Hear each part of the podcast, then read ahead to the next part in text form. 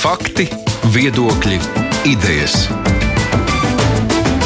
Raidījums Kruspunkta ar izpratni par būtisko. Studijā Mārija Ansona. Piektdienās kruspunktā mēs atskatāmies uz aizvadītās nedēļas notikumiem. Šī bija ļoti īsa darba nedēļa. Līdz šim ir aizvadīta mājas svētki, bet par ko runāt būs. Valsts prezidents Egils Levits parlamenta lēmumu pretēji valdībā lemtajam no šodienas ļaut darboties restorānu un kafēnīcu ārterasēm mūsu raidījumā nodēvēja par parlamentāro negatīvumu, ko valdība gribēja pielabot neatļaujot tur lietot alkoholu. Tomēr šāds lēmums netika pieņemts. Tikmēr ar bažām un brīdinājumiem nepulcēties tiek gaidīts 9. mājas, kurā pie uzvaras pieminekļa Rīgā tradicionāli sanāk ļoti daudz cilvēku. Pagājušajā gadā policija saņēma daudz kritikas par neiejaukšanos, turklāt epidemioloģiskā situācija toreiz bija daudz, daudz, daudz, daudz labāka nekā šobrīd. Par to un citiem notikumiem runāsim kopā ar žurnālistiem. Šeit ir mans kolēģis Kruspunktā Aidis Tomsons. Sveiks, Aidi! Sveika, Māra! Kolēģi Latvijas televīzijā Odita Krenberga, sveika Odita panorāmas Sveika, studijā, Māra. kā es skatos, ziņu dienesta studijā, sveika. Jā. Ansis Sveika. Bogustovs, TV24 žurnālists, sveiks Ansi. Un Romāns Meļņiks, laikraksta dienas žurnālists, sveiks Romān. Piedod, žurnāldienas Dienas biznesa, pareizi. Es taču biju, tas ir tāds iegājies gadu gaitā, visu laiku jā. Romāns Meļņiks, diena, diena, diena, dienas biznesa, protams, galvenais redaktors turklāt. Jā, sveiks. Par 9. māju. Vai ir pirmkārt bažas, ka tur var notikt kaut kas tāds, kam nevajadzētu notikt, un ko mēs vispār gaidām no policijas? Nu, pagājušajā gadā policija bija, cilvēki bija, un bija daudz pārmetumu par to, ka policija tur ļauj pulcēties, lai gan tad jau arī bija aizliegta pulcēšanās. Tagad, ā, kad slimība ir izplatījusies tā, kā mums pagājušajā gadā pat vispār prātā nevarēja ienākt, uh, ka varbūt arī tik traki. Uh, tagad, ko mēs gaidām? Policija būs ļoti stingra, neļaus tur vispār nevienam apstāties, vai, nu, kā, kā jums šķiet, kā vajadzētu tam notikt, Odita? Es nezinu, man, man pagājušajā gadā bija tāds iespējas, eh, ka nemaz tik traki jau nebija, ka policija diezgan labi tur tika galā un cilvēki nāca ziedus nolikt. Tiešām cilvēki bija, eh, bet nebija tā, ka kāds ļoti tur būtu uzkavējies ilgi. Jo, nu, es arī pēc tam mēģināju papētīt vairākas eh, bildes no tā pasākuma, kas nebija pasākums, bet individuāli eh, ziedu nolikšana, bet tur bija tā, bieži vien bija tā, ka vienkārši skatoties tās bildes, liekas, ka to cilvēku ir vairāk, jo tas ir nu, no tāda skatu punkta nofotografēts, piemēram, ar, vai ar mobilo telefonu vai kaut kādā leņķī uzfilmēts tādā, ka liekas, ka ir ļoti, ļoti daudz to cilvēku. Bet tā nemaz nebija. Un operatori, kas mums tur filmē, viņi arī teica toreiz, ka nemaz tik jau tā, tā drusmeļšanās tik liela tur nebija lai teiktu, ka, nu, ka būtu kaut kas tāds šausmīgs noticis. Bet uh, es domāju, ka, nu, protams, ka labi, ja policija ir izdomājusi, kā to var vēl labāk atrisināt, un, un, bet es domāju, arī tie sodi ir diezgan lieli, tomēr līdz 2000 eiro privātu personām, līdz 5000 juridiskajām diez vai tur tā nu, ļoti riskēs kāds. Mm, tad uh, policijai vajadzēja būt stingrai un likt sodus, nu, tiešām, kā ierauga, ka kāds tur uh, burzās uh, vairāk nekā divas maisaimniecības, tad uzreiz sodus likt, nu, tīri kārtības labad. Nē, es domāju, ka ne, ne gluži tā, ka varbūt cilvēks, nu, es, es, ne, es domāju, ka man liekas, ka pareizais ir tas veids, ka tiek aizrādīts, un tad, ja neņem to vērā, tad, tad to sodu. Jo nu, nu, tāda, nu, tāda, tāda ļoti neiecietīga un ārkārtīgi tāda. um, Nu, tāda pārāk stingra attieksme rada nepatīkamu pretreakciju. Parasti. Nu, es nezinu, man tā ir. Man, man, tas ir mans personīgais Es viedoklis. vien pareizi sapratu, ka to jau var izdarīt arī tīri organizatoriski ļoti veiksmīgi, ja grib. Un Man liekas, es tā to sapratu šobrīd no policijas paziņojuma. Tātad tiek uztaisīts sejas, jeb norobežojošs sejas, pa kurām tu vienā virzienā dodies, noliec ziedus, pa otru pusi izēj ārā. Un nekas jau tur ļoti daudz no tā neprasa. Tad tur tā sodīšana nemaz nav tik ļoti aktuāla. Nu, labi, ja viņi tur tālāk savukārt jau pulcējas kaut kur citā vietā, tad tas ir cits stāsts. Bet tā pie pieminiekļa un apkaimes jau to lietu var diezgan veiksmīgi norganizēt. Un es domāju, ja viņi to tā izdarīs, un tie, kas gribēs aizies nolikt ziedus, nu, tur, nezinu, tur, tur droši vien Gan jau to arī var organizēt, vai tur jāpastāv pusminūte, viena minūte, vai nav jāstāv, var doties atkal tālāk. Un tā kā tie ir aizgājuši, tad nākšos laiž iekšā, nu, līdzīgi kā veikalā. Es domāju, ka to izdarīt var, un diez vai diez vai tie sodi tur būtu pat uh, tādā gadījumā nepieciešami. Tu teici, līdzīgi kā veikalā, man uzreiz uh, radās asociācijas ar vakcinācijas centriem. Tikai tur galā nu, nebūs jā, vakcinācija, jā. varētu ar spuķņiku, bet vienkārši ziedu nolikšana. Bet, nu jā, tā var, uh, tāda kārtības organizēšana var izkliedēt, Tansi, kāpēc uzsmējies?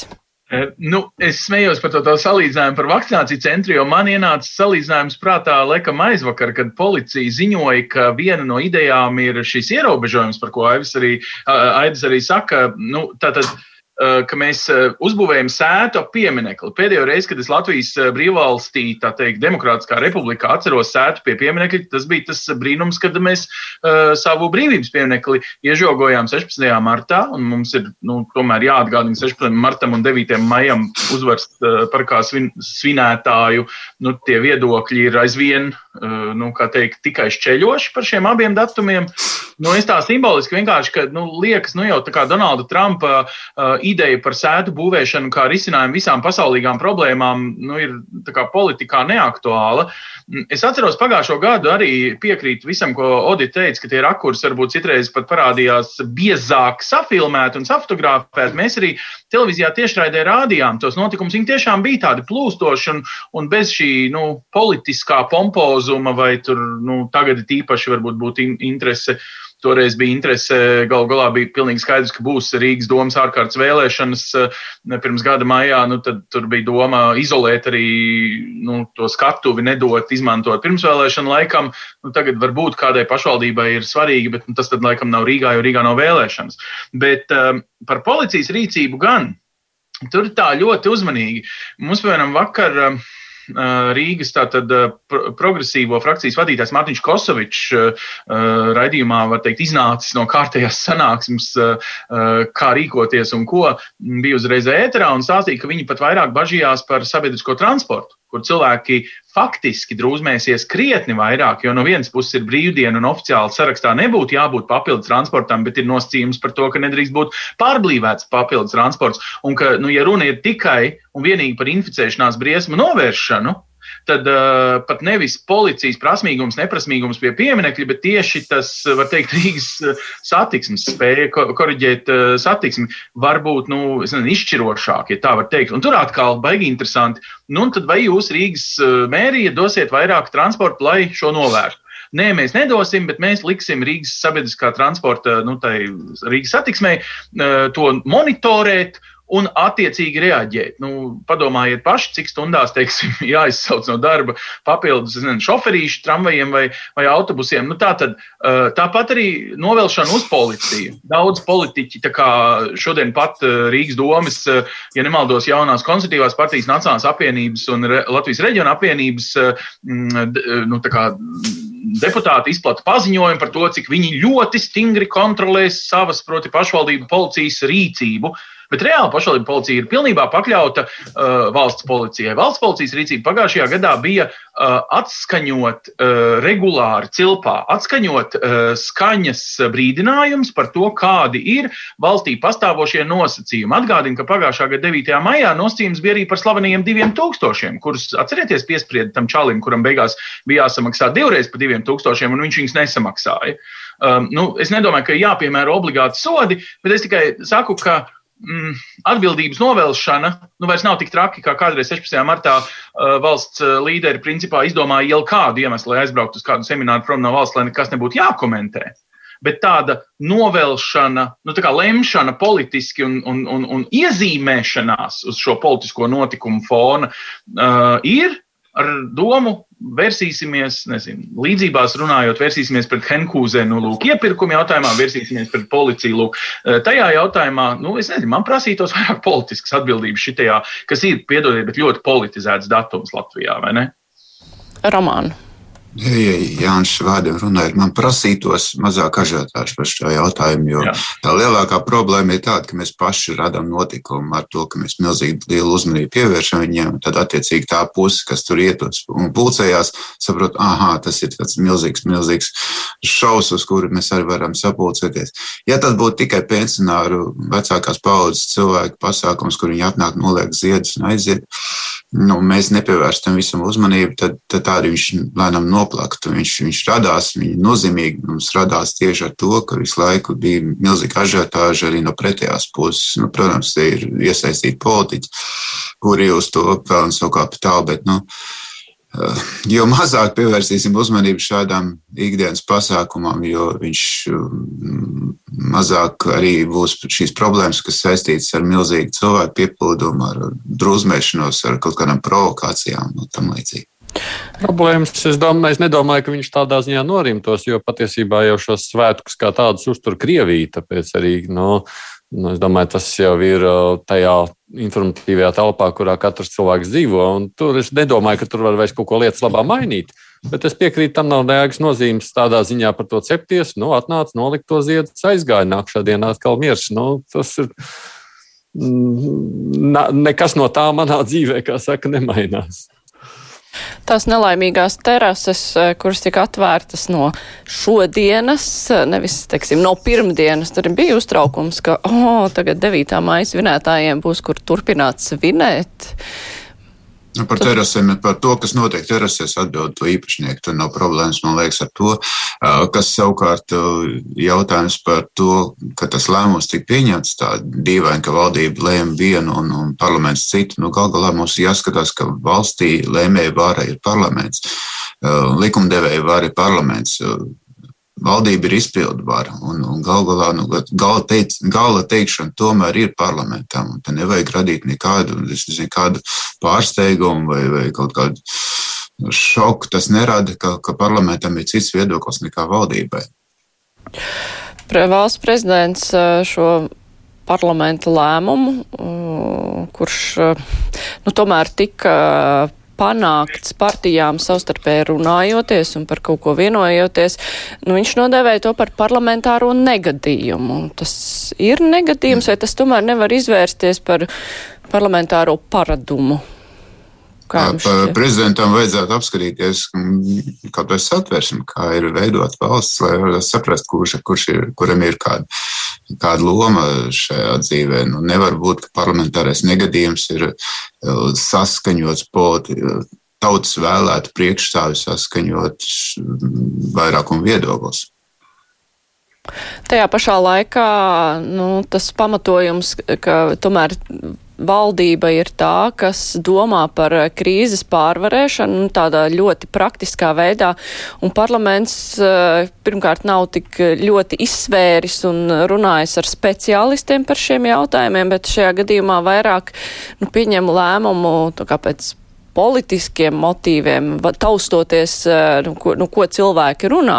Nu, tādā ziņā, ka tomēr parlaments arī nevar darīt, ko grib vienkārši, o, šodien Twitters eh, balso par kaut ko, un tad parlaments ar par to nobalso. Nu, tādā veidā arī nestrādā parlamentārā demokrātija, vai prezidentam var piekrist eh, šai ziņā, Ansi, tu ļoti Jā, aktīvi purināja galvu. Teikt Un, un šodien uh, Latvijas uh, radio no rīta runāja Jānis Sārts, kurā šodien ir NATO konference, kur tieši runā par to, cik ļoti uh, devalvējas. Lūk, tas tavs piemērs par to, ja Twitteris balso par labi, tad parlaments šodien arī balsos par labi, kaut gan Twitter auditorija pats bija ļoti ierobežot cilvēku uh, daudzums. Uh, proti, ka mēs, mēs, mēs varam vienā brīdī pazaudēt jēgu. Turklāt, Romāna, es nelīdz galam gribu tev piekrist vienā aspektā. Mums tomēr pirms gada Latvijas parlaments gribēja katru katru lēmumu, ja nemaldos, trīs vai cik dienu laikā viņam bija jāpārapstiprina, kas bija šis ārkārtas stāvokļa lēmums, ko no sākuma nolēma valdība, pēc tam jāpārapstiprina parlamentam. Un tad viņi paši saprata, cik tas ir nu, neproduktīvi un pašiem grūti un sarežģīti un, un nejauksimies pa vidu un deva valdībai pilnvaras šajā nu jau tiesa juridiski atceltajā ārkārtas stāvoklī. Un tomēr nu, mēs jau saprotam, ka viņš de facto ir atcelts. Eh, tas ir de facto viņš pastāv, eh, de jure viņš eh, it kā nav vairs kā ārkārtas stāvoklis. Un tomēr nu, mēs esam specifiskā stāvoklī. Man pat, pat vairāk šajā situācijā redzētu to, sauksim, nemiera cēlāju tomēr ietekmi eh, parlamentā, proti, eh, jaunās konservatīvās partijas mēģinājumu aiz slēgtām durvīm vienu dienu, tas ir koalīcijas, laikam, tagad pēcpusdienas tēja, viņiem ir nevis brokastis. Ja? Tad koalīcijā viņi nepaspēja dabūt savu, tad viņi mēģina valdībā, tad, ja valdības lēmums arī nav tāds, kā jaunā konservatīvā vēlas, tad pašūposim caur parlamentu. Nu, es nezinu, man tas liekas mazliet kā politiķiem raksturīgi, un tāpat laikā tā, nu, nevajadzīga šajā brīdī uh, tāda savas uh, reitingu pumpēšanas ietvaros uh, nu, valdības laivas šūpošana. Saprotams, ka viņi nav vienīgie. Saprotams, ka tur ir Nacionāla apvienība ar, ar, ar jauno ministru Vitsenbergu. Tur arī ir šūpošana. Bet, uh, vai jaunā koncertīvā no tā iegūst kaut ko reitingu? Es teiktu, pēdējos divos gados nē. es, es nepiekritīšu, ka tas ir nevajadzīgi, jo tas no vienas puses arī motivē valdību strādāt kvalitatīvāk. Jo valdība ir ļoti daudz kļūdas pieļāvusi. Viņi dienām, stundām ir sprieduši par to, ko darīs tagad ar veikaliem. Izspriež par to, ka veikals vajadzētu ļaut strādāt visiem. Nu, pēkšņi, pēkšņi izdomā, ka lielveikalos esošiem veikaliem nedrīkst strādāt viņam. Lai gan lielveikalos vislabākā ventilācija, vislabākie apstākļi, kas, kas ir no epidemioloģiskā viedokļa. Varētu būt, ka tur uzklausījuši ekspertus ir un secinājuši, ka nu, tomēr nav tie riski, bet tik un tā pieņem kļūdains lēmums. Un kļūdaini lēmumi bija arī par frizieriem iepriekš un tam līdzīgi. Tā kā nu, šis, šis ir tāds pātāk mazliet valdībā, lai strādātu kvalitatīvāk. Jā. Nu, tādā ziņā, protams, jā, nu, tādā ziņā demokrātiskā kontrole. Bet nu, nu, tas, ka parlamentam, piedodiet, nav jāmēra attālumi vai jānosaka tur, nu, tie paši rādītāji, tieši tāpēc, jau citējot savukārt tagad tevi, Roman, nu, vienkārši tā ir izpildvaras funkcija, kuru parlaments viņai arī ir devis. Nu, tad ļaujiet tai valdībai to lemt, nu, ja nepatīk, nu, labi, bet nu, vienkārši kaut kā tāda, es nezinu, man, man liekas, tas bija nekoleģiāli kā minimums. Audita, kāds tavs skatījums uz šo parlamentora negadījumu, vai tas ir tā uztverams? Nu, man šķiet, ka tas, kas notika, bija vēl viens apliecinājums tam, ko mēs jau redz, redzējām arī iepriekš, apliecinājums šīs valdības vājumam pēc būtības. Jo nu, šai diskusijai bija jābūt valdībā un jānonāk valdībā pie secinājuma, kā mēs rīkojamies, un nebija jāpārnest tas uz parlamentu. Jo tas, kas tas, tas tika pārnest uz parlamentu, eh, vienkārši parādīja, cik, eh, nu, cik ļoti politiski, nekur, nekulturāli izturējās eh, parlamenta vairākums paši pret savu valdību, paši pret savu premjeru, pret saviem partijas biedriem. Un tas, nu, tas, tas rada ļoti sliktu iespēju par lēmumu pieņemšanas nu, tādu normālu diskusiju un kārtību. Un, manuprāt, jauno konservatīvā partija šo vienkārši izmantoja. Jo mēs zinām, ka pamatā bija šai, šī lēmuma pieņemšanai, pamatā saimā bija tirgošanās. Vienkārši, ka jaunā konservatīvā partija bija sagatavojusi daudz, daudz plašākus šos ierobežojumu mīkstinājumus. Tad uh, Un tad jaunā vienotība savukārt no, no, no savas puses mēģināja tirgoties ar, ar to, ka, lai pēc iespējas šo sarakstu padarītu īsāku, un tad nonāca beigās pie šī lēmuma par terasēm, un tad visi arī nobalsoja. Bet, nu, tas, nu, tas tā, tā, tā bija tāds, bet, nu, fakti, nu, es teiktu, tā bija nu, tāda savas valdības pazemošana. Un, un es, es, es uzskatu, ka tā, tā rīcība, kādu, kādu, ko šobrīd dara jaunā konservatīvā partija, viņa mēģina šajā valdībā vēl vairāk šo iedzīt to, to ķīli starp, starp, starp partijām. Un es arī no tāda politehnoloģiskā viedokļa saprotu, kāpēc viņi to dara, jo viņiem bija pēdējie reitingi ļoti slikti. Un ņemot vērā to, ka viņiem Viņi šajā saimā ienāca kopā div, divas, divas partijas, kurām bija lieliski rezultāti, vislabākie vēlēšanās, kā atceramies, bija KPVLV un jaunā konservatīvā partija. Un par KPV mēs jau zinām, kas ir noticis, un, un, un ļoti slikti tie reitingi bija arī jaunai konservatīvā partijā, un tāpēc viņi to dara, bet es neuzskatu, ka tā ir valstiska rīcība šajā situācijā. Mums klausītājs raksta, JKP var saprast, jo lielākā valdības koalīcijas partija paliek faktiski pazemināta, KPV ministru pārpērk nacionāļi un tagad faktiski dominē valdībā. Aidi, kā tev šķiet, vai visa arī tajā skaitā tā terašu lieta var būt saistīta arī ar uh, situāciju, kad ir izjaukts koalīcijas nu, līgums savā ziņā, jo nu, tas neatbilst vairs realitātei par to, kā partijas tiek sadalīts. Jo viena lieta ir, ka KPV, ja tur ir deputāti aizgājuši un viņiem nav svara parlamentā vairs tāda, kā bija, bet IKP frakcijā jau nav notikusi tāda aiz, aiziešana masveida. Un viņi tāpat ar viņiem ir jārēķinās kā ar noteikti lielumu frakciju. Nu, ar JK, JKP ir varbūt skaidrāk, KPV, protams, tur es īsti nevaru saprast, kas viņi tur ir palikuši, kurā vietā tādā ziņā tā, tāda grupa viņiem vairs kā vienota nav. Nē, nu, es absolūti piekrītu visam, ko līdz šim sacīja Odita. Tā jau tas arī ir. To nevar nevis varētu saistīt, tas neapšaubām ir saistīts. Tā ir politiskā nu, izdzīvošanas cīņa, politiskā greizsirdība nu, un jautājums, protams, par valdības vājumu. Neapšaubām tas jau, ka lēnā garā tā valdība, nu, tā koalīcija tā kā jūka ārā, to mēs redzam. Vai izdosies sastelēties uh, pēc pašvaldības vēlēšanām, to mēs manīsim. Varētu būt gan, gan. Droši vien daudz ko noteiks vēlēt, vēlēšana rezultāti. Tajā pašā laikā nu, ļaujam arī uz manis to cīniski palūkoties, jo es domāju, no nu, tādas politiskās, real, cīniskās realitātes, kāda tā ir, tas ļoti normāls demokrātisks process. Tādā ziņā es piekrītu kolēģiem, ka uh, tur nav nekas tāds dīvains. Nu, viss ir saprotami. Galu galā saima ir tā, kas ir lielā lēmē, nevis valdība. Un tajā brīdī, nu, ja, ja, ja, saimnes vairākums sāk, sāk šaubīties par valdības darbu, nu, tad kādā brīdī tā valdība arī var krist. Un, uh, tas, ka nu, partijas mēģina šādā veidā šantažēt viena otru, varētu pat tā to nosaukt. Tas arī nu, tādā demokrātiskā procesā nav nekas dīvains.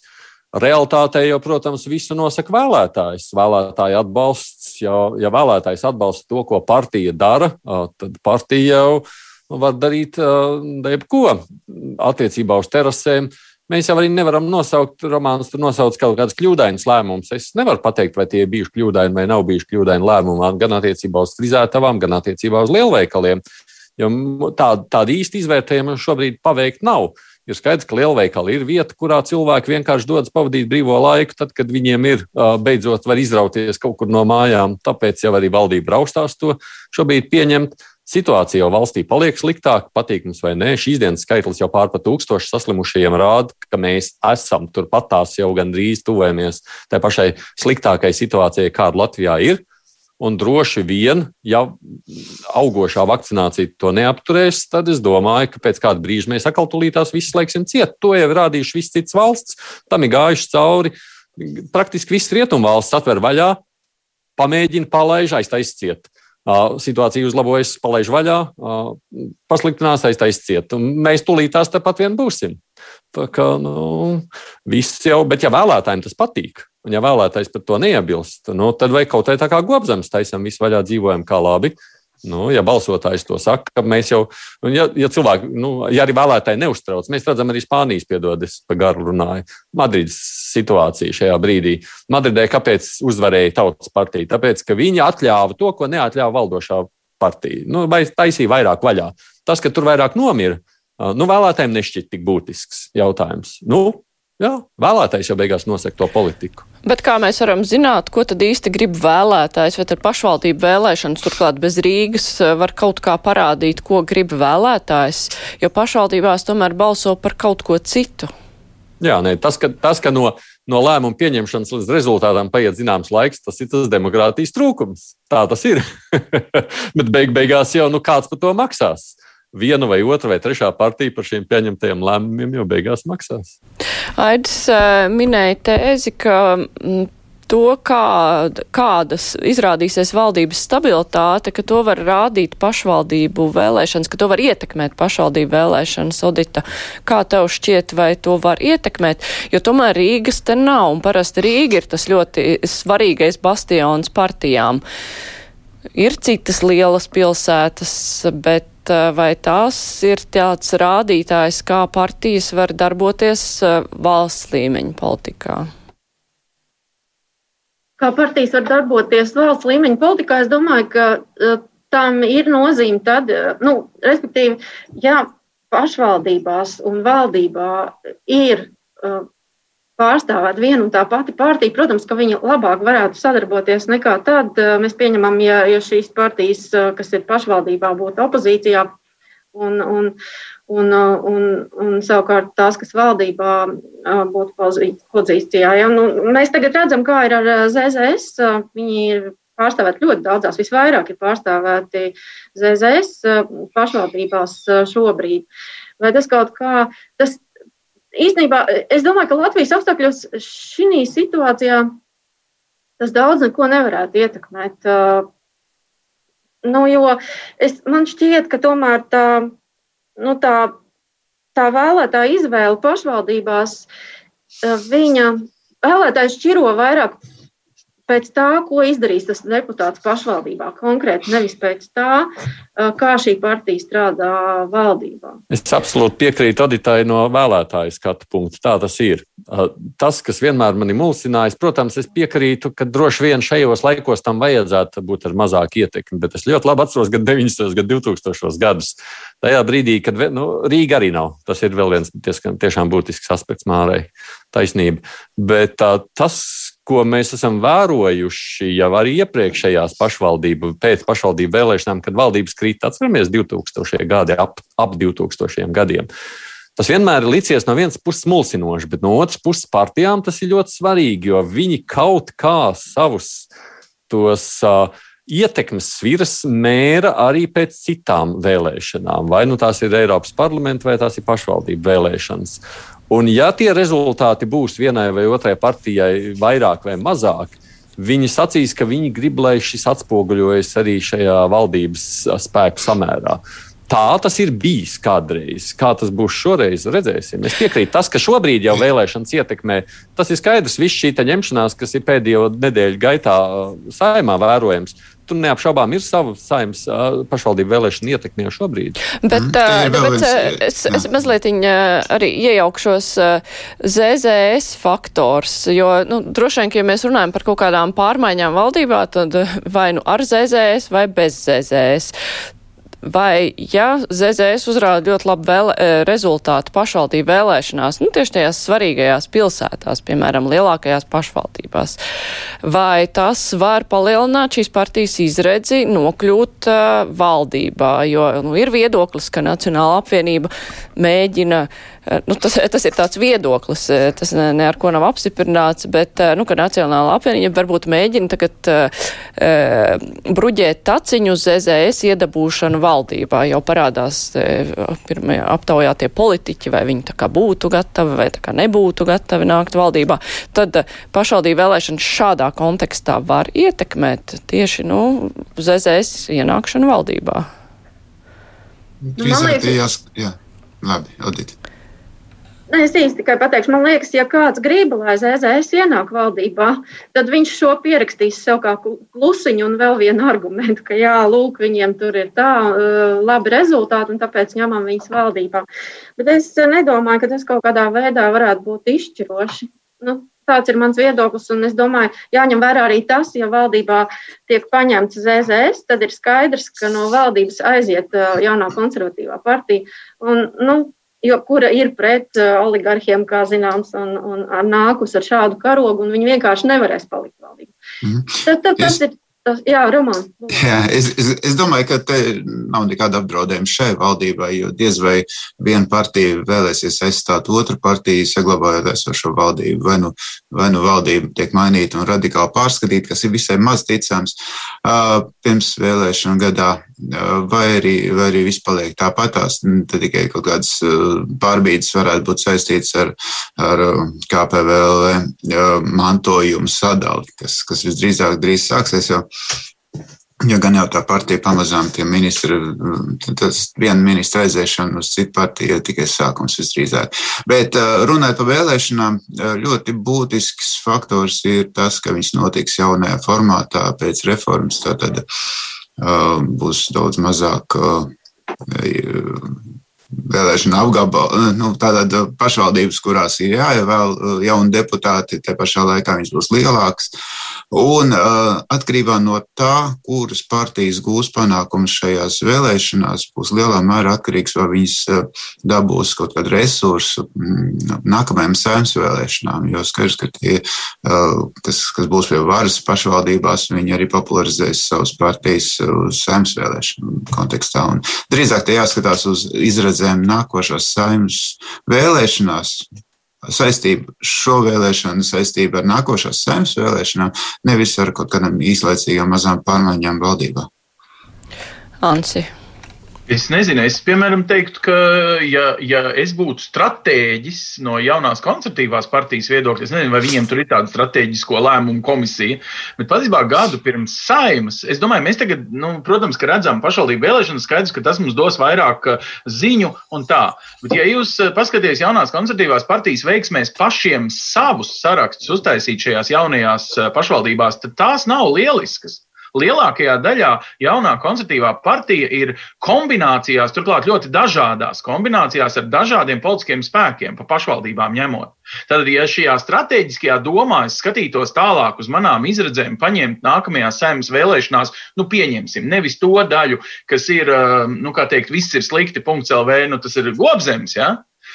Bet, nu, ka šī valdība nav rīkojusies tā, mēs jau centāmies un ko. Uh, Man liktos, ka tagad ir apmēram laiks, kad ļaut eh, teikt, šai valdībai restartēties, paņemot zaļos zemniekus, un iziet, protams, pilnīgi piekrīt auditai tajā brīdī, JKP, eh, un, ziniet, ieņemt eh, to Mēs jau mēģinājām, bet mums jau nedēva. Jūs jau redzējāt, sākot ar terasēm un daudziem citiem jautājumiem, cik mums ļoti ap, nu, ne, sēja rokas un, un, un klusināja. Un mēs jau, jūs, jūs taču redzējāt, vēlētāji, mēs taču bijām tie spriganie, kas teica, ka mēs visu mainīsim. Šāda pozīcija pirms vēlēšanām valstī, kurā saprotams, ka ar līdzinējo valdību nu, teiksim, daudz apmierinātu vēlētāju nebūs arī nākamgad, jo nu, gluži vienkārši nu, tā nenotiks, ka uz Ziemassvētkiem visiem būs ekonomiska pārpilnība. Tiem, kuriem pagaidām Covid so pārpilnība ir nu, jau kā gadu noņēmis. Nu, tad būs spriedze sabiedrībā uz nākamajām parlamentu vēlēšanām, kurā šīs valdības un visas labās un, un neveiksmes tiks pierakstīts. Protams, ka nekur citur jau tā Covid nepārvarēja kā pie mums. Nu, ne, lielākā daļa no mums, es atvainojos, divus gadus nav ceļojuši, bet mēs lieliski zinām, ka visur tiek labāk galā. Nu, tas, protams, ir nonsens. Bet, bet uz šī nonsensa uzbūvēt savu uh, lokālo stāstu partijai, kura, es atvainojos, bet arī iepriekšējās vēlēšanās gāja un formulēja savas domas, tieši, uh, ka mēs visu pa jaunam, ka mums ir. Un, un, un, un nu, taisnība viņiem arī bija visspilgtākās sarkanās līnijas, ar ko viņi ies un ar ko viņi neies. Un tieši viņu uh, nostājas dēļ zemnieki ir aizborti šajā valdībā. Nu, kā ši, bet tieši šo ieinteresētību, jaunais konservatīvas partijas ieinteresētību, taču saprot un ar to reiķinās visi konkurenti. Ne tikai Jā. ZZS, bet arī vienotība, attīstība pat. Un skaidrs, ka ZZS nav gatavs iet iekšā valdībā, lai radītu labākus apstākļus jaunai konservatīvai partijai. Tāpat arī valdības koalīcijas partneri nav gatavi uh, radīt šos labākos apstākļus, šos siltumnīcas apstākļus, šos apstākļus, kas visus kritizēs uh, tieši savam taisušiem partneriem. Līdz ar to es domāju, ka valdība ir ļoti stabila šobrīd esošajā formātā. Jautājums ir par kaut kādu ministru amatu pārdali vienkārši sadalīt kā pa, uh, mantojumu. Bet, bet, bet tas jautājums, par ko Ants sāka runāt, ka tagad partijas sāks medīt ar visu neapmierināto vēlētāju balsis, un ka šādas partijas var būt arī nākt no valdības, tad tagad tas ir aktuāls un kļūst arvien nu, aktuālāk. Neapmierināts vēlētāji varbūt neapmierināti arī par izglītības jomā notiekošo, par tieslietu jomā notiekošo un daudzās citās jomās notiekošo. Tur nevar neko daudz nomedīt. Jā, bet JKP, JKP ir kaut kādā mērā nonākuši pie tā riska, ka viņiem var kaut kas līdzīgs notikt kā ar KPVLV. Brīdī, kad tu ienāc ar ļoti tādu striktu vēstījumu, ka viss ir draņķīgi, mēs, kad nāksim, mēs visu mainīsim citādi. Un lai nu ko, bet JKP ir arī iedod zināmas sviras tieslietu ministrija kaut vai, piemēram, personā. Un mēs redzam, ka, tas, ka viņi nestei, nu, š, nu, šajā jomā viņi neko nevar izdarīt. Mēs redzam, ka viņu reitings tikai krīt un viņi saprot, ka šī līdzinājā politika, ja viņi tā turpināsies, Vispirms kādi iekšā saka, nu, draugi, kas te notiek? Mēs nācām ar jaunu politiku, un nekas nenotiek. Un otrs puses ir jau skaidrs, ka arī vēlētājs mēs redzam, nesaprot viņus. Līdz ar to viņiem šobrīd nākas iet, man liekas, to vienīgo ceļu, ko viņi mēģina darīt. Viņi ir iekšējie huligāni. Ja? Un tad ir jautājums, cik ilgi šādā iekšējā huligānisma atmosfērā var darboties. Mēs atceramies, iepriekšējās koalīcijās savulaik pirms gadiem ZZS bija tāda iekšējā koalīcijas huligāna. No, viņi tur bloķējās ar opozīciju, kaut ko nobalso. Nu, šobrīd izstāsta IKP ies ļoti līdzīgu ceļu. Un man neizskatās, ka ļoti tie pārējie koalīcijas partneri būtu gatavi tā ilgstoši to sadzīvot. Tā kā visādi var būt. Es neuzskatu, ka mēs varētu teikt, ka šobrīd tā koalīcija ir ļoti stabila. Es sacītu, ka, protams, IKP arī riskē šajā ceļā ejot tādā pašā veidā, bet izskatās, ka tā līdzinājā politika viņējo nenes augļus. Viņiem kaut ko ir jāmaina savā taktikā. Mums klausītāji atgādina, ka neviena partija, kur pat izgājusi no valdības, nekad nākamajās vēlēšanās nav uzrādījusi labus rezultātus.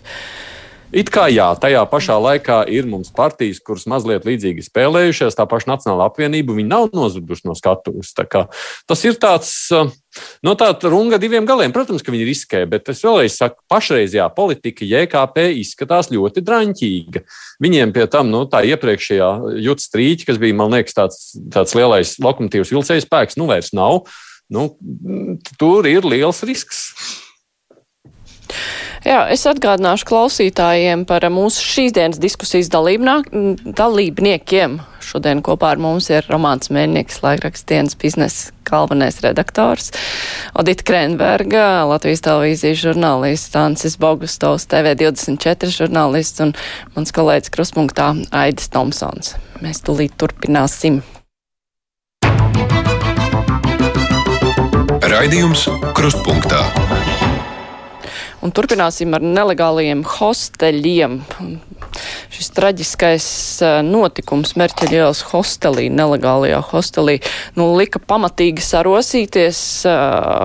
Izrādās, ka par daudziem šiem hosteļiem ir bijis zināms un izrādās, ka uz tiem var arī aiziet tā, amatpersonas un izrādās, ka tos var arī slēgt. Kā jums šķiet, kā viss šis stāsts attīstīsies? Vai būs kaut kādas fundamentālas pārmaiņas pieejā, kad nu, kad redz, ka ir kaut kāda nelikumība un ka vienkārši ir jārīkojās, lai šo nelikumību novērstu vai arī vienkārši un, un nepieļaus kaut kādas potenciāli bīstamas vietas. Un es šajā gadījumā nerunāju tikai par hosteļiem, bet nu, par kaut ko citu, kur ir redzams, ka nu, tā, tā nevajadzētu būt, bet nu, kaut kā neviens neķeras klāt. Vai arī nu, tagad parosīsies, aizvērsīs kaudzi hosteļu un pēc tam tas viss tā lēnām aizmirsīsies, kamēr būs atkal kaut kur kaut kas romāna. Visdrīzāk, visdrīzāk pēdējais variants ir vis, visticamākais, ja mums ir ļoti daudzos gadījumos bijusi tāda pieredze, ka ir kaut kāda ažiotāža, uzreiz viss amatpersonas sasparojās un, un kaut ko rāda, ka ļoti, ļoti demonstrē, ka dara, un pēc tam, pēc kaut kāda brīža, kad uh, rodas kāds cits no, fokusējums uz kādu citu problēmu, tad viss uzmanība atkal tiek novērsta uz to, tas, tas iepriekšējais tā kā, nu, tāds paliek pusratāts. Tāds. Es domāju, ka ja te nebūs radīta sistēma, pēc kuras uh, ir kaut kāda automātiskuma iestājās, ka, teiksim, konstatē uzreiz iestājās sekas vai iestājās kaut kāda procedūra, mm, tad, uh, tad nekas nemainīsies.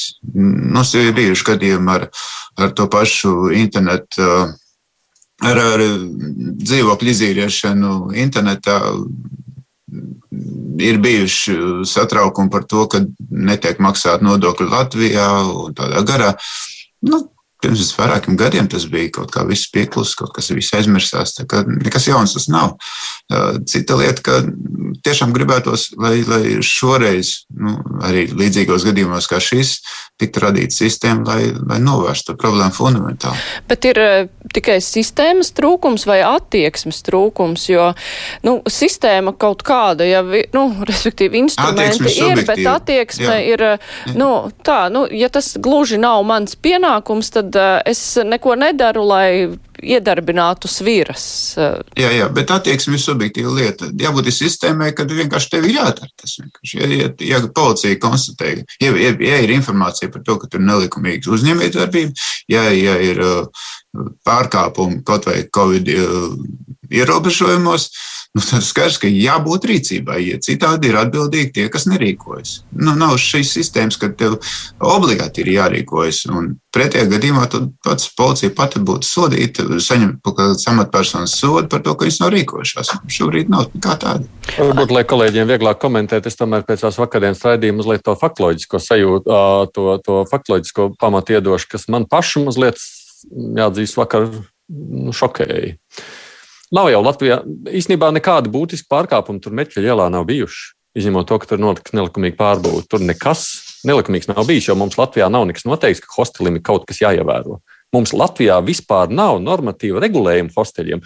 Mums nemaz nav likumā pateikts, kas tas tāds hostels ir. Mēs nemaz nezinām tādu vārdu. Viņi bija reģistrēti.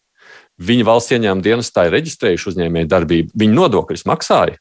Uh, nu, labi, es saprotu, tur ir bijuši kaut ko maksā, kaut ko nē. Tur, laikam, saprotu, vidi cīnās ar viņiem, tā varēja ar puķiem saprast tajā visā stāstā. Bet, bet pats par sevi tur viss ir kārtībā. Tā problēma ir tāda, ka mēs vispār par šo sfēru nemaz neesam domājuši.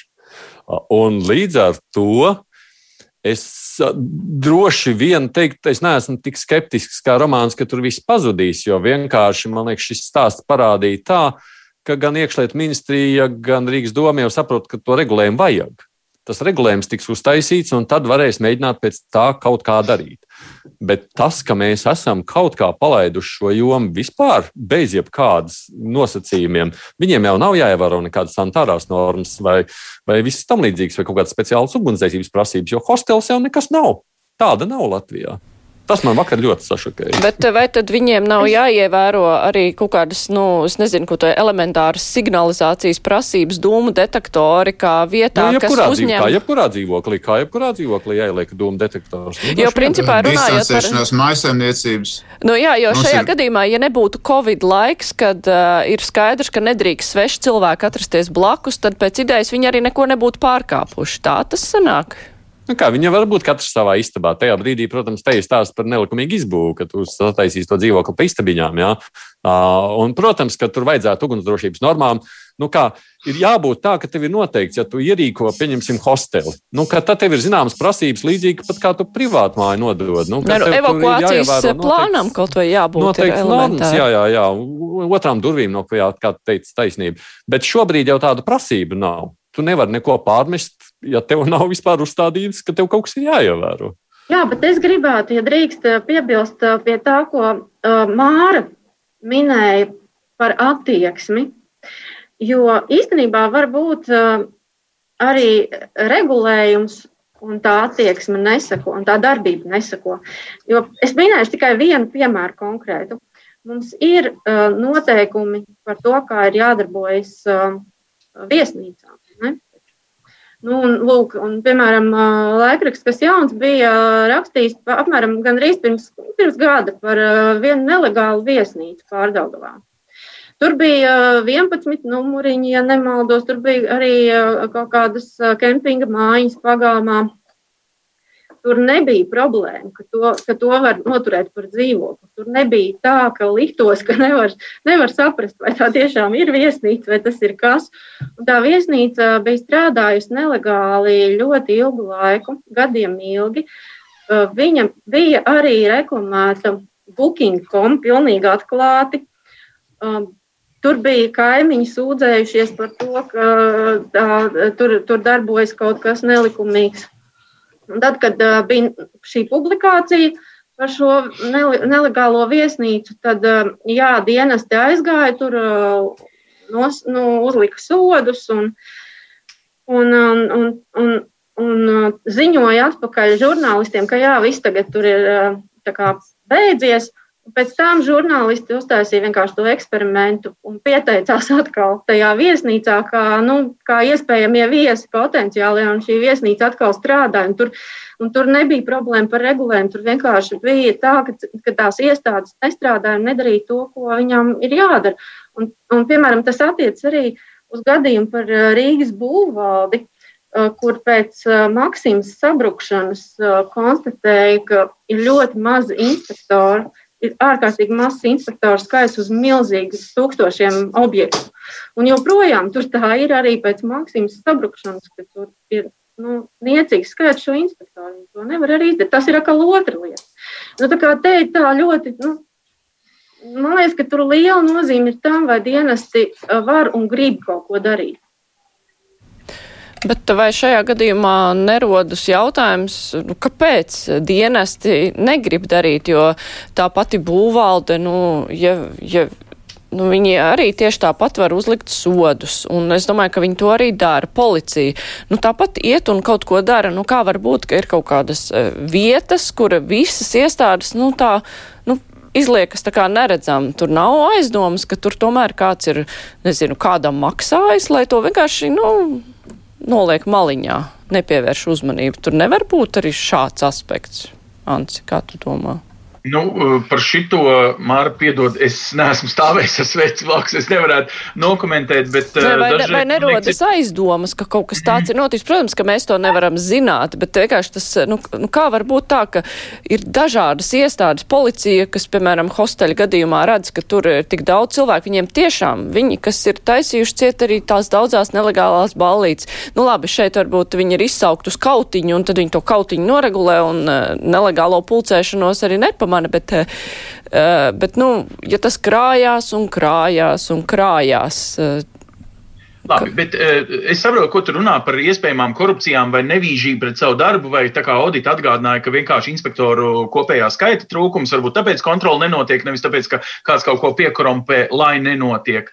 Bet Varbūt paskatīsimies no otras puses. Ja mēs godīgi tos pašus viesnīcas standartus gribam piemērot gan šiem legāliem, puslegāliem vai principā neregulētajiem hosteļiem, tad ar ko dzīvoklis, kuru nevis bookingā, bet Airbnb, tātad citā rezervāciju sadaļā, vecrīgā, kad brauca turisti, varēja izīrēt, jā, protams, par, nu tātad viņš ir dzīvoklis vienai ģimenei uz tām trim, pieņemsim, naktīm un nav viesnīca, jā, tur citreiz pat pat nesatiec savu uh, nu, īpašnieku, tu samaksā ar kredītkarti, tu dabūni automātiski tādā speciālā paslēptā kastītē. Nu, es domāju, ka lielākā daļa no cilvēkiem, kas ir ceļojuši pa pasauli, paši saprot, par ko mēs runājam. Ja mēs gribam ilgāku laiku kādā vietā uzkavēties, tas ir nu, teiksim, finansiāli izdevīgāk nekā varbūt lūk, klasiskās viesnīcas ar pilnām ugunsdrošības prasībām un citām lietām. Tad es tad saku tā, nu, ja mēs piemērojam, nu, pieņemsim jaunu likumu, kurš regulēs visas šīs lietas godīgi un vienādi, šādi, tad tas nozīmē, eh, ka šādi regulējumi ir jāpiemēro arī visiem dzīvokļiem, kurus, starp citu, Odīt, es, piemēram, vienu vasaru arī domāju savu dzīvokli Bauskā. Mums ir nu, vairāk dzīvokļu māja ielikt bookingā, 12% komisijas maksa un uh, lieciet, ko gribiet. Tātad to jau neierobežo. Jebkurš ansis, jebkura, piedod, Odīta vai jebkurš cilvēks šādi ar uzņēmēju darbību var nodarboties. Un es jums to stāstu uh, radio, tāpēc, ka es to gribēju darīt legāli. Iedomājieties, cik daudz cilvēku varbūt nestāst radio šo. Nē, nē, bet šis jau arī ir legāli, ne? draugi. Protams. Šis jau arī bija bookingā. Viņš ir reģistrēts ja. arī tad, kad tu ej bookingā un savu dzīvokli reģistrēs. Visticamāk, valsts ieņem dienas tev sameklēs ansi. Un Protams. prasīs tev savu nodokļu daļu paņemt no tevis. Un, un, kā un tas arī ir? arī maksāt. Jā, jā. Nu. Bet tas jau, par ko mēs šeit runājam, ir, protams, likums jau nekad nesaliek visu vienā plauktā. Nekad, nekad nebūs tas, kas uzņem tūkstošu viesus, atšķirsies no tā, kas uzņem vienu viesu bet ir atšķirības starp dzīvokli, hoteli, hosteli.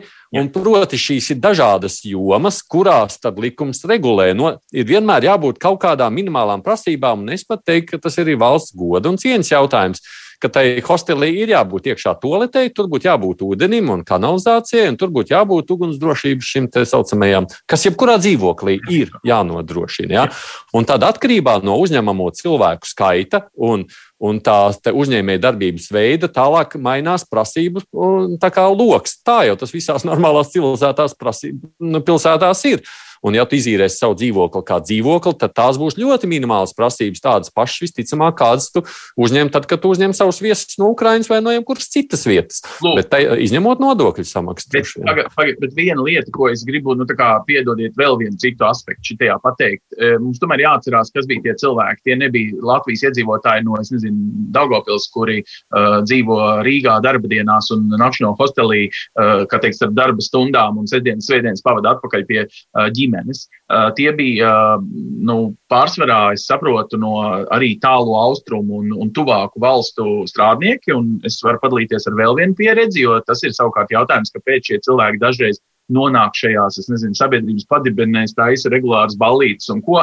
Gluži vienkārši nav tā, ka īres tirgu Latvijā jūs varat ļoti viegli izīrēt. Ja vien jūs neesat, es atvainojos, viss, es būšu rupšs, viss autobus ar indiešiem, kas nopērk vienu, nu, nu īrē vienu ļoti lielu dzīvokli Rīgas centrā un guļ uz, uz, uz matracīšiem, tad indijas studenti, un, un tā ir realitāte. Ja? Varbūt nelieksimies, es, es pats uh, zinu, ka vieta, kur mēs ar ģimeni īrējām salīdzinoši lielu dzīvokli, tagad ir principā indiešu studentu kojas. Bet tad ir viena cita kategorija, piemēram, ukrāņu strādniekiem vai ko. Nu, man, piemēram, pašam arī bija tāda pieredze. Uh, man bija, nu, arī var izstāstīt, pilnīgi legāli izīrēja savu dzīvokli, kurā mē, mūsu ģimene vairs neietilps. Uh, divi stāv dzīvokli, cik kautrīgi man zvana uzņēmējs, kas veda ukrāņu viestrādniekus, konkrētajā gadījumā romantisku profesiju maizes cepējus un prasa, vai jūs izīrēsiet Ukraiņiem, jo viņu 70 citi iepriekšējie, kam viņš ir zvanījis, principā atšuja. Nē, nekādā ziņā Ukraiņiem. Un tas ir bišķiņi arī par tādu šovinismu, piedodiet, sabiedrībā. It kā Ukraiņas būtu sliktāks, gal galā šajā gadījumā par viņu pat šefs maksāja. Ja? Tātad pilnīgi garantēta samaksa un, un viss bija kārtībā. Un, un, un es atvainojos, cilvēks, kas cep maizi, visdrīzāk nu, ir pietiekami prasmīgs un noguris galu galā un iet gulēt, nevis tā izbalīts manā dzīvoklī. Bet, ja? bet, bet es, man, kā es saprotu, tā atšķirība, par ko Aidis runā, ir tomēr šie apstākļi, kas ir pamata lietas, kas ir jānodrošina tajā brīdī, kad tu esi kaut kāds vienība hostelis un ka tu ievēro kaut kādas pamatprasības, lai nav tā, ka tev 15 cilvēki guļ uz grīdas. Nu, kaut kā tā. Un, jā, un vienalga, vai tas ir Latvijas, Ukrainas vai Čigāns, tam nav nekāda nozīme. Bet eh, vai šajā mums ir eh, gan tikai viena minūte palikusi, vai šajā gadījumā arī nav jārunā par to, ņemot vērā nu, diezgan briesmīgo ugunsgrēku, uguns nelaimes skaitu vispār, kas ir Latvijā, jo mēs izceļamies uz šī fona, vai ir jādomā arī par kaut kādu gan attieksmes, varbūt arī normatīvu maiņu pret ugunsdrošību? Evakuācijas jautājumi nav atrisināti galīgi nevienā, nevienā šādā situācijā. Jo skaidrs, ka cilvēks saliek metāla durvis un jūtās droši pret zagļiem, bet tajā brīdī, kad notiek tāda nelaime, tas var būt dzīvoklis arī. Es, ļoti, es esmu redzējis daudz dzīvokļu mājās, pļauniekos, kur ir kāpņu telpā metāla režģu durvis, un pēc tam ir tālāk durvis katram dzīv, dzīvokļu īpašniekam no metāla. Skaidrs, ka neviena ugunsdzēsēja netiks klāta, lai glābtos cilvēks nelaimes. Nu, jā, nu šīs lietas jau arī mēģināts sakārtot, gan lai tur varētu pa tiem balkoniem, kur ir tās glābšanas izējas, tikt lejā, Jā. lai nebūtu šo režģi. Tur ir tā kā ugunsdzēsējiem ir jānāk apsekot, viņi arī to iet un dara droši vien laiku pa laikam, īpaši tajās lielajās mājās, bet jautājums, vai cik ilgi tas tiek ievērots. Bet, nu, acīm redzot, arī šī ir joma, kur ir vēl daudz jādara, diemžēl. Bet uh, mūsu raidījumam atvēlētais laiks ar to ir arī beidzies. Šodien kopā ar mums bija Odita Krenberga no Latvijas televīzijas panorāmas, Ants Pogustovs no TV24, Ramāns Mēļņiks, laikraksts dienas biznesa galvenais redaktors un mans kolēģis Aidis Tomsons, kolēģis raidījumā Kruspunktā. Raidījums ar to arī izskan producenta Tevi Junām, savukārt studijā bija es, Mārija Ansona. Vislabāk tiekamies! pirmdienu.